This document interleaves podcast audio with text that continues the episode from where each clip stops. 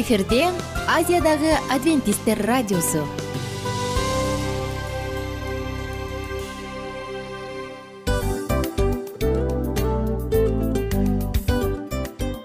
Достор салют.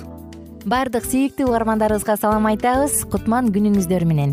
Ден соолук өмүрдүн булагы демекчи саламат саамы программасында баарыңыздарды көргөнүбүзгө абдан кубанычтабыз. Анда алгач амандашып өтөлү арбаңыздар деп. Ден соолугуңуздар кандай элибизде көбүнчө ден соолук кандай дегенде эле жакшы деп жооп беребиз э? ооруп турсак дагы жакшы дейбиз. Анан мен муну айтып ойлойт элем бул абдан сонун сөз депчи анткени бул жакшы деген үмүт да ооба. баары жакшы болот баары сонун.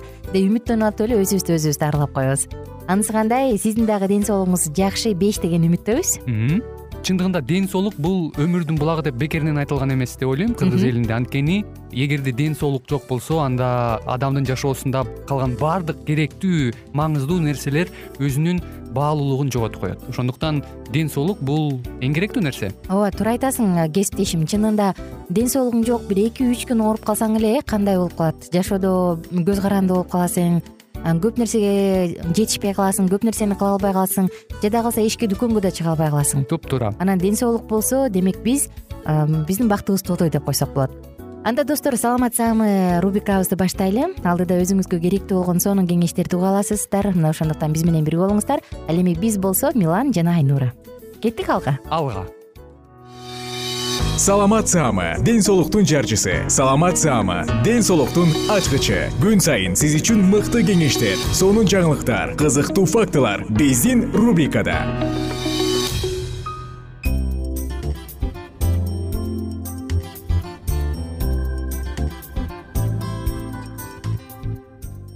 кутман күнүңүздөр менен достор жалпыңыздар менен амандашып биз саламат саама рубрикасын баштадык. Эшикте сонун аба ырайы маанай беш демек жашоодо бактылуу көз ирмемдер көп деген ишеним менен саатыбыз уланталы бакыт дегенде албетте биз көбүнчө бактылуу дегенде жылмайып эле жүргөн күндөрдү элестетишибиз мүмкүн бирок бактылуу күндөр жөнөкөй гана ыраазы болгон күндөрдөн турат э? Мына ошондуктан бүгүнкү күнгө дагы ыраазы болсок демек биз бактылуубуз бүгүнкү темабыз ар бир орган үчүн суусундук деп аталат. Тагыраак айтканда биз сиздер менен бүгүн пайдалуу суусундуктар деп аталган чоң циклдын ичинен дагы бир главаны жаңы бөлүмдү баштап атабыз. Бул бөлүм ар бир орган үчүн суусундуктар деп аталат.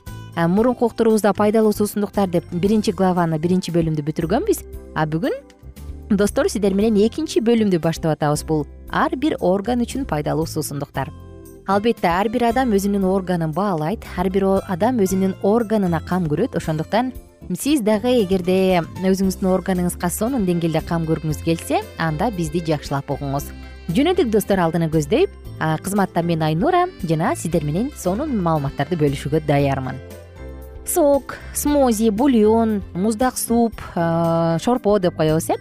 Тундурмалар булардын баардыгы тең ар бир органды калыбына келтириш үчүн ден соолукту чыңдаш үчүн колдонулуп келген жана организмдин системасына маанилүү болгон суусундуктар биз качан көбүнчө смози жасап ичебиз?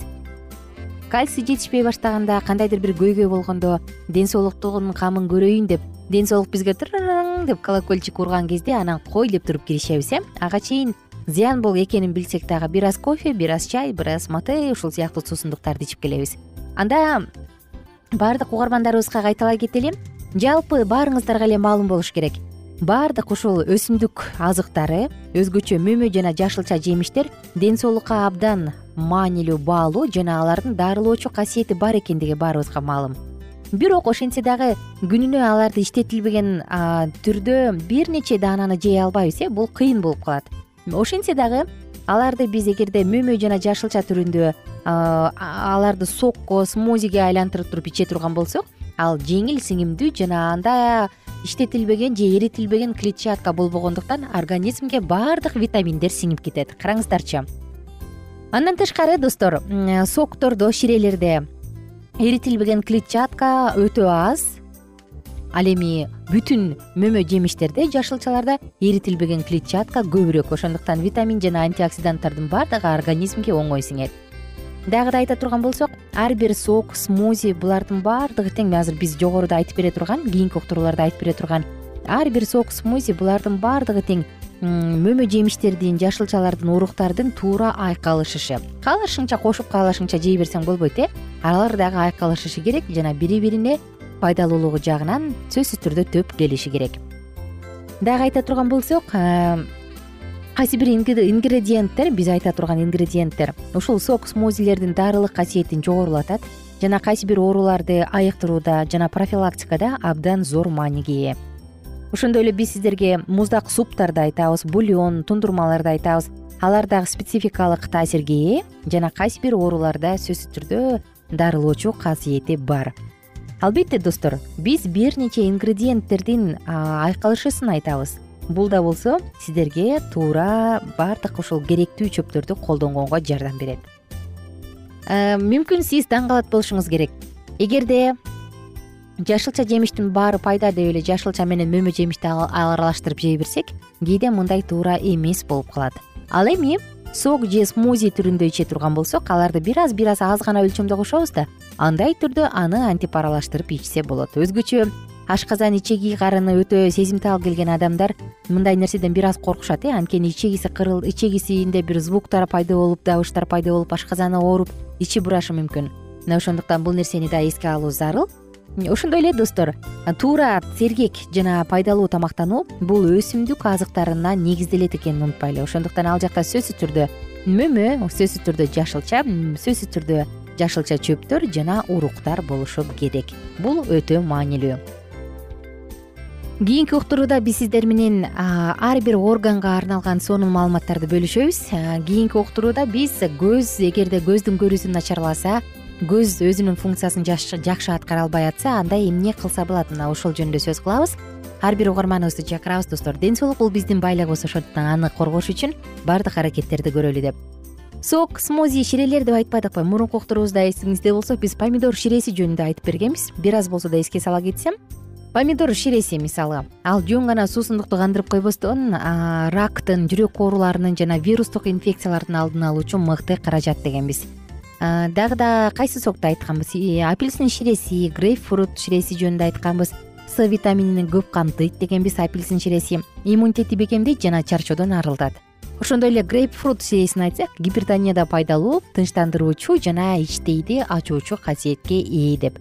Мына достор бул маалыматтар албетте бизге абдан пайдалуу деп ишенем. Анткени ар бир адам өзүнүн ден соолугунун камын көрүп ден соолугу үчүн күрөшөт эмеспи.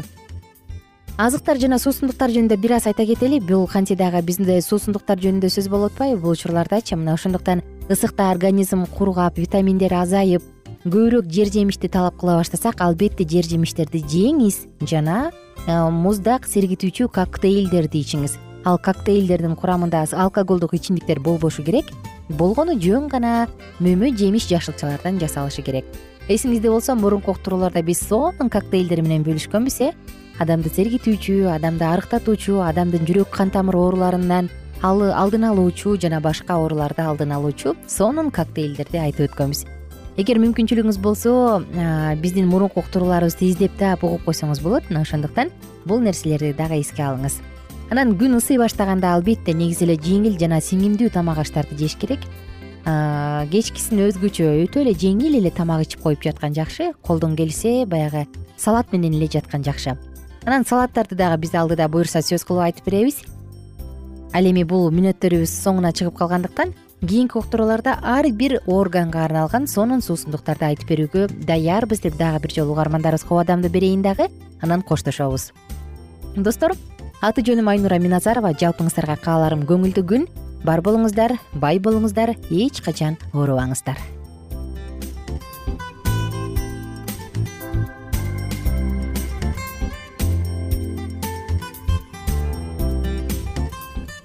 кененирээк маалыматтар үчүн үч w чекит саламат чекит клуб сайтына келип таанышыңыздар.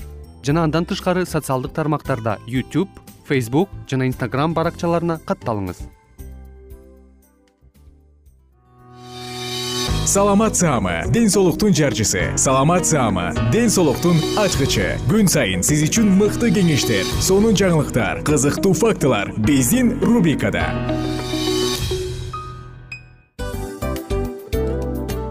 салам достор. Кайрадан биздин сүйүктүү рубрикабызга кош келиңиздер деп айтмакчыбыз.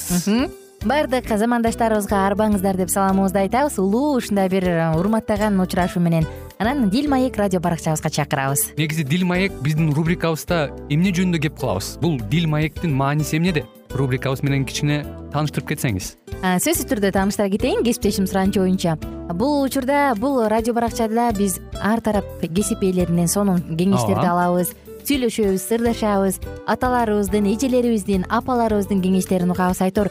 Жан дүйнөгө адамдын э, сапатына адамдын деги эле адам болуп жашашына керектүү баардык кеңештер алдыда.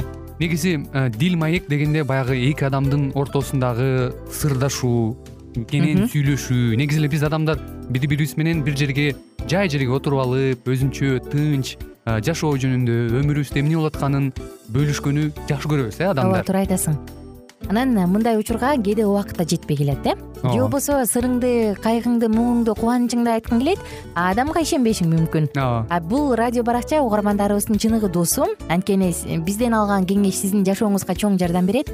Ал эми сиздин бизге айта турган сөзүңүз ортодо гана сыр бойдон калат. Ошондуктан биздин дил маек рубрикабызга дагы бир жолу кош келиңиздер. Жана биз даярдаган маалыматтарга даяр болуңуздар.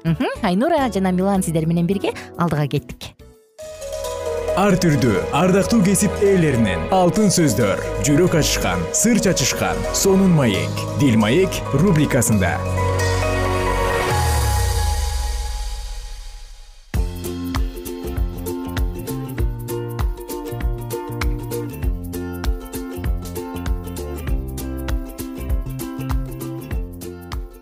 Салам достор. Жалпы биздин сүйүктүү угармандарыбыз менен кайрадан амандашканыма абдан кубанычтамын. Бүгүнкү темабыз ата энелерге болгон мамиле.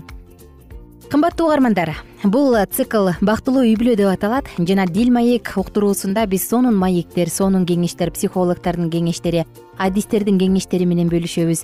Анан жашообуздун ар тарабында керектүү болгон сонун сонун маалыматтардын баардыгын мына ушул жаатта ушул тапта биз ушул рубрикада жаңырта алабыз бүгүнкү уктуруубуз дагы ар бир атага ар бир апага ар бир уулга ар бир кызга арналат. Анткени ар бирибиз бактылуу болгубуз келет жана ар бирибиз үй бүлө мүчөлөрүбүз. Анда эмесе алдыны көздөй жөнөдүк.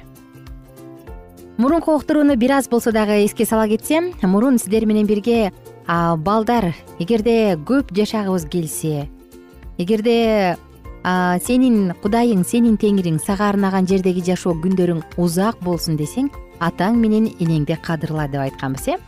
Бешинчи осуяттагы шарт буларды талап кылат. Балдар жөн гана ата энелерин сыйлап койбостон аларга багынсын жана аларды уксун жана дагы сүйүүчүлүк жумшактык менен мамиле жасап алардын иштерин жеңилдетсин. Алардын мээримдүү ысымын сактап улгайган учурунда жардам берип сооротсун дегенбиз мына ошондуктан достор балдарга дагы кеңеш айта кеткенбиз канча жашта болбоңуз? Оор тартып калдыңызбы? Элүүдөсүзбү отуздасызбы эгер сиз бала болсоңуз анда ата энеңизди баардык учурда кадырлаңыз деп. Эгерде башталышында силер аларды сүйбөй тилдерин албаган болсоңор азыр болсо мага башкача мамиле кылгыла? Өзгөрүүгө дайыма мүмкүн. Эгер бул силердин түбөлүккө барууңарга жол ача турган болсо анда силер башкача ыкма колдоно албайсыңар эми биз карып калган ата энелер жөнүндө сөз кылсак. Эгерде ата энелер өз балдарына алгачкы жылдарында өздөрүн сыйлоону үйрөтпөгөн болсо алардын кыжырлантып жана кесе сүйлөгөн сөздөрүн тыйбаса анда алар акырында өтө ачуу жемиштерди жыйнап алышат. Ошондуктан ата энелер токтоосуз жана жеткилеңдүү тил алчаактыкты талап кылышпаса анда алар балдардын мүнөздөрүн туура эмес отурукташтырышат. Алар балдарын өздөрү картайып өлүмдүн босогосуна барган кезде өздөрүн кейитүүгө даярдап жатышат.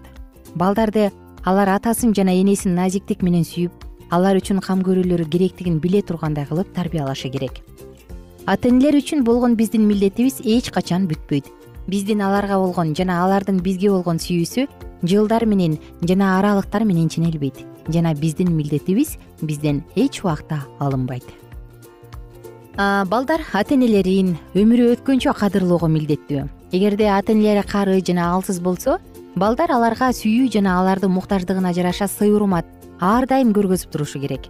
Балдарга ата энелери коопсузданып калбашы үчүн керт башынын жыргалчылыгын четке кагуу туура келсе дагы чечкиндүү жана асыл заттык чечим кабылдоосу абдан жакшы. Карыган ата энелерге абдан сонун жагымдуу жагдайлар дагы өтө аз кубаныч жана соороту берет. Алардын көңүлүн жана жүрөгүн балдары тарабынан тоотпогон мамилелеринен башка дагы кандай жагдай кейиде алат? Бул ата эне үчүн эң эле оор э? Баланын тиле албай керсейип турганы. Жарамсыз жана каарып калган ата анасын же энесин кейитип жүрөктөрүн ооруткандан башка дагы балдар үчүн кандай оор күнөө бар? Жеткилең куракка жеткен кээ бир балдар биз ата энебизге үй алып бердик милдеттен кутулдук деген тыянакка келишет. Аларга үй жай жана тамак алып бергени менен өздөрү ата энелерине сүйүү жана ортоктоштукту көргөзө алышпайт. Өрт тартып калган жылдарда ата энелер сүйүүгө жана көңүл бурууга өзгөчө муктаж бирок балдар таш жүрөктүк кылуу менен аларды өз көңүлүнөн алып коюшат. Ата энелеринин тирүү кезинде балдар аларды сүйүп жана урматтоосу керек. Карыган ата энелердин өмүрүндөгү жарыктыкты жана кубанычты күчүңөрдүн келишинче көтөрүүгө аракеттенгиле. Кантип уулу же кызы кооптонуп койбостон туруп өз атасын же энесин башка бирөөнүн колуна силер камылгасын көрүп тургула деп таштап коет. Элестетиңиз? Эгерде энесинин мүнөзү өтө оор болгон күндө дагы бул алар тууралуу кам көрүүдөн баш тартууга шарт түзө албайт. Бул милдетти аларга кудай берген. Мүмкүн балдар мындай деп ойлошор. Балалык күнүндө ата энелерибиз бизди кызыл камчылап кармаган бирок алар кудай менен тынчтыкта боло алышабы. Эгерде ата энелерине каршы кектүү рухун колдонушса өзгөчө ата энелери каарып жана алсыз болуп калган учурда ата энелеринин алсыздыгы балдар үчүн сүйүүнүн негизги болуп саналбайбы? Карыган атанын жана эненин муктаждыктары жүрөктөргө мээримдүү сезим алып келбейби? Жана балдар ата энелерине боорукерлик жана урмат сый көргөзбөйбү? Ата энелерге болгон жүрөгүңөрдү катуулантып мерез кылбагыла? Өзгөчө каарып калган алсыз жана бейкааруу энесинен баш тарткан адам жөнүндө ойлонуу өтө кыйын мындай энелер менен балдар кантип чыдамдуу жана кубанычтуу мамиле кылышы керек? Мындайда бир гана жанга жагымдуу анын жүрөгүнө оору алып келбей турган сөздөр гана керек. Силердин алсыз жөндөмсүз ата энеңер өзүнүн тирилигин акыркы күндөрүндө ыраазычылыкта тынчтыкта жана сүйүүдө өткөрө берсин. Алар силерден бир гана боорукердиктин сүйүүнүн ырайымдуулуктун жана кубаттуулуктун сөздөрүн угуп турушсун. Кудайдын силерди сүйүп ырайым кылуусун силерди кечирүүсүн жана силерди оорунун төшөгүнөн сактап туруусун каалайсыңарбы? Анда башкалар менен дагы силерге кандай мамиле кылууну каалагандай мамиле кылгыла. Өз ата энеңерге камкордук көргүлө. Анткени аларга силерден башка эч ким мээримдүүлүктүн кичинекей бөлүгүн дагы көңүл буруучулук көргөзүп бере албайт.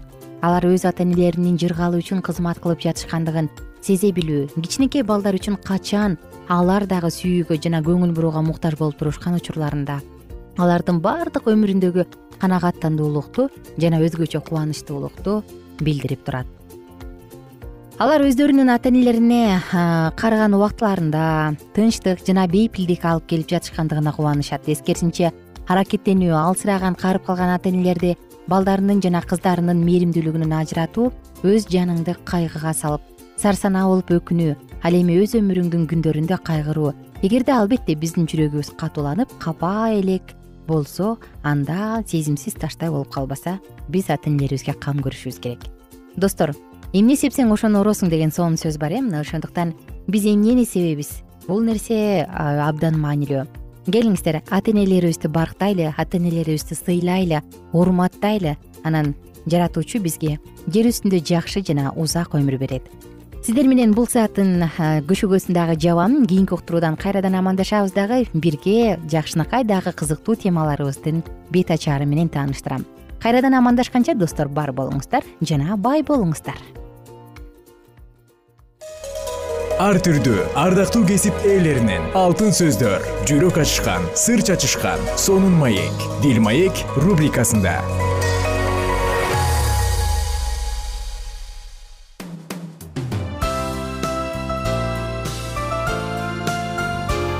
эфирде азиядагы адвентисттер радиосу.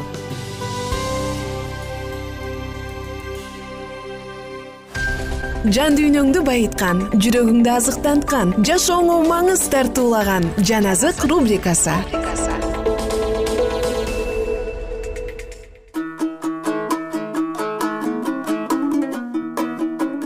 кутмандуу кушубак күнүңүздөр менен биздин кадырлуу замандаштарыбыз жалпыңыздар менен биз кайрадан жан азык уктуруусун баштадык. Ушундай сонун жадыраган аба ырайында сонун күндө кайрадан амандашканыма кубанычтамын. Бүгүн сиздер менен бирге инжил китебинен орун алган жакан жазган жакшы кабарды баштайбыз. Бул убакыттар бул сөздөр дагы сиздин жүрөгүңүздөн түбүнөн орун алып калса экен деген тилегим бар. Анда эмесе саатыбызды баштайлы. Жакан жазган жакшы кабар биринчи бөлүм эң башында сөз бар болгон. Сөз кудайда болгон жана сөз кудай болгон. Сөз эң башында кудайда болгон. Бардыгы ал аркылуу башталган. Эмне башталса да ансыз башталган эмес. Анда өмүр болгон. Ал өмүр адамдар үчүн жарык болгон. Жарык караңгыда жаркырап турат караңгылык жарыкты каптаган жок. Кудай жиберген бир адам болгон. Анын ысымы жакан эле. Ал күбөлөндүрүү үчүн келген. Баары ал аркылуу ишенип калыш үчүн. Ал жарык жөнүндө күбөлөндүрүү үчүн келген. Ал жарык эмес болчу бирок жарык жөнүндө күбөлөндүрүү үчүн келген. Бул дүйнөгө келген ар бир адамды жарык кылуучу чыныгы жарык бар эле ал бул дүйнөдө болгон дүйнө ал аркылуу жаралган бирок бул дүйнө аны тааныган жок.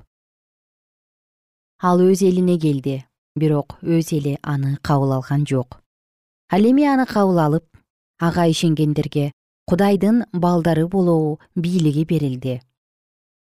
Алар кандан эмес дененин каалоосу менен эмес эркектин каалоосу менен эмес кудайдан төрөлүштү сөз адам болуп биз менен жашап турду. Биз анын даңкын атанын жалгыз уулунун даңкын көрдүк. Ал ырайымдуулук менен акыйкатка толуу эле. Жакан ал жөнүндө бийик үн менен мындай деп күбөлөндүрдү. Менден кийин келе жаткан менин алдыма чыкты. Анткени ал менден мурун эле бар болчу деп мен ушул адам жөнүндө айткам.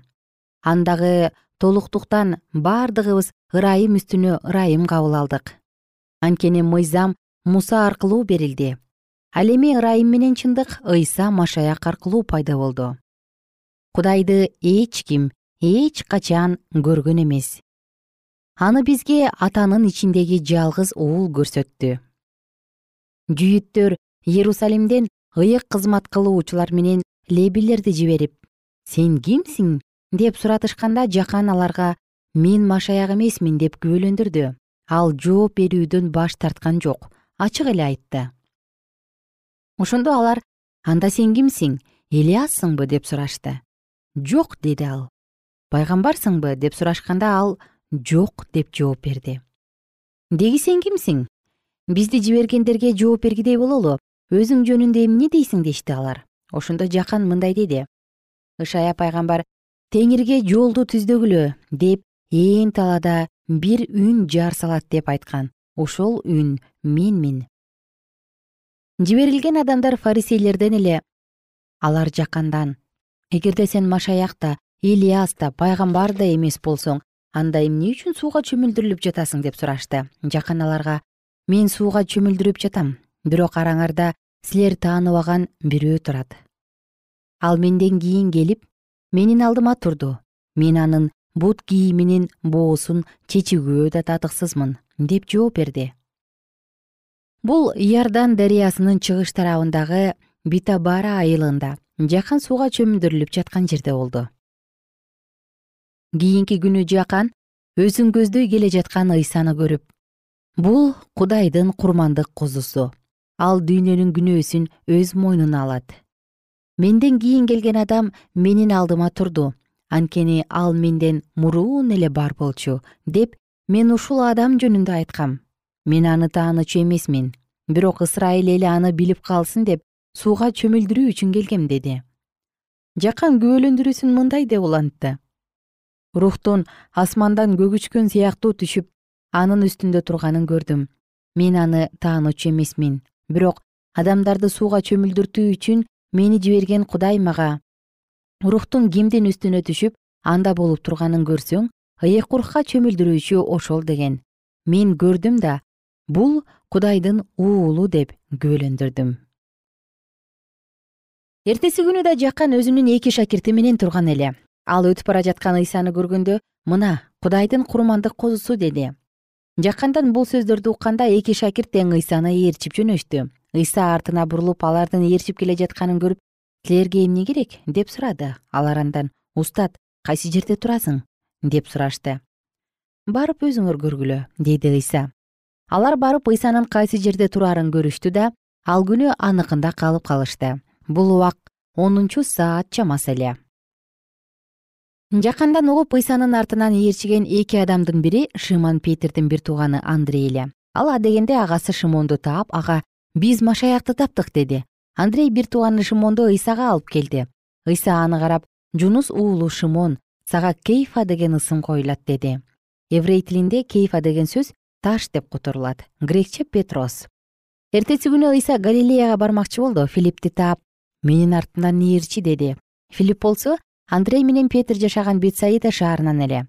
Филипп натанаэлди таап ага мусанын тоорат китебинде ошондой эле пайгамбарлар китебинде жазылган машаякты таптык ал назареттик жусуптун уулу ыйса деди. Бирок натанаэль ага назареттен жакшы нерсе чыкмак беле деп койду. Ошондо филипп ага барып өзүң көр деди. Ыйса келе жаткан натанаэлди көрүп куулугу жок. Накта ысрайылдык мына ушул? Натанаэль андан мени кайдан билесиң деп сурады. Ыйсага филипп сени чакыра электе мен сени анжыр дарагынын түбүндө отурганыңда көргөм деди. Ошондо натанаэль устат сен кудайдын уулусуң сен ысрайыл элинин падышасысың деди. Ыйса ага сен мага мен сени анжыр дарагынын түбүндө отурганыңда көргөм дегеним үчүн ишенип жатасың мындан чоң өңгүрөсүң деди. Дагы мындай деди. Чындыкты силерге чындыкты айтып коеюн мындан ары ачылган асманды жана адам уулун көздөй жогору чыгып кайра төмөн түшүп жаткан кудайдын периштелерин көрөсүңөр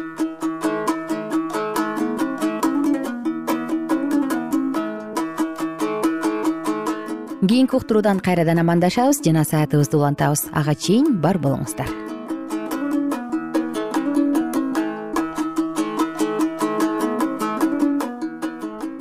Эгер сиздерде суроолор болсо же көбүрөөк маалымат билем десеңиз анда биздин whatsapp номерибизге жазыңыз.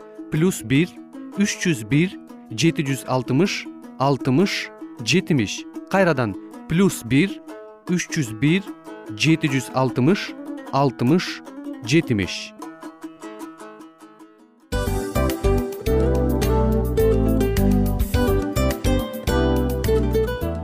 Ушун менен достор программабыздын уктуруубуздун эң кайгылуу мөөнөтүнө келип жеттик. Кайгылуу дегенде ыйлагым келип кетти кесиптеш. Кадимкидей.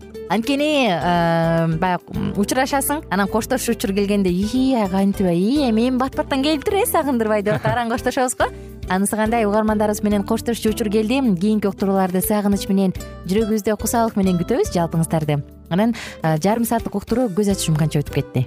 Сөзсүз.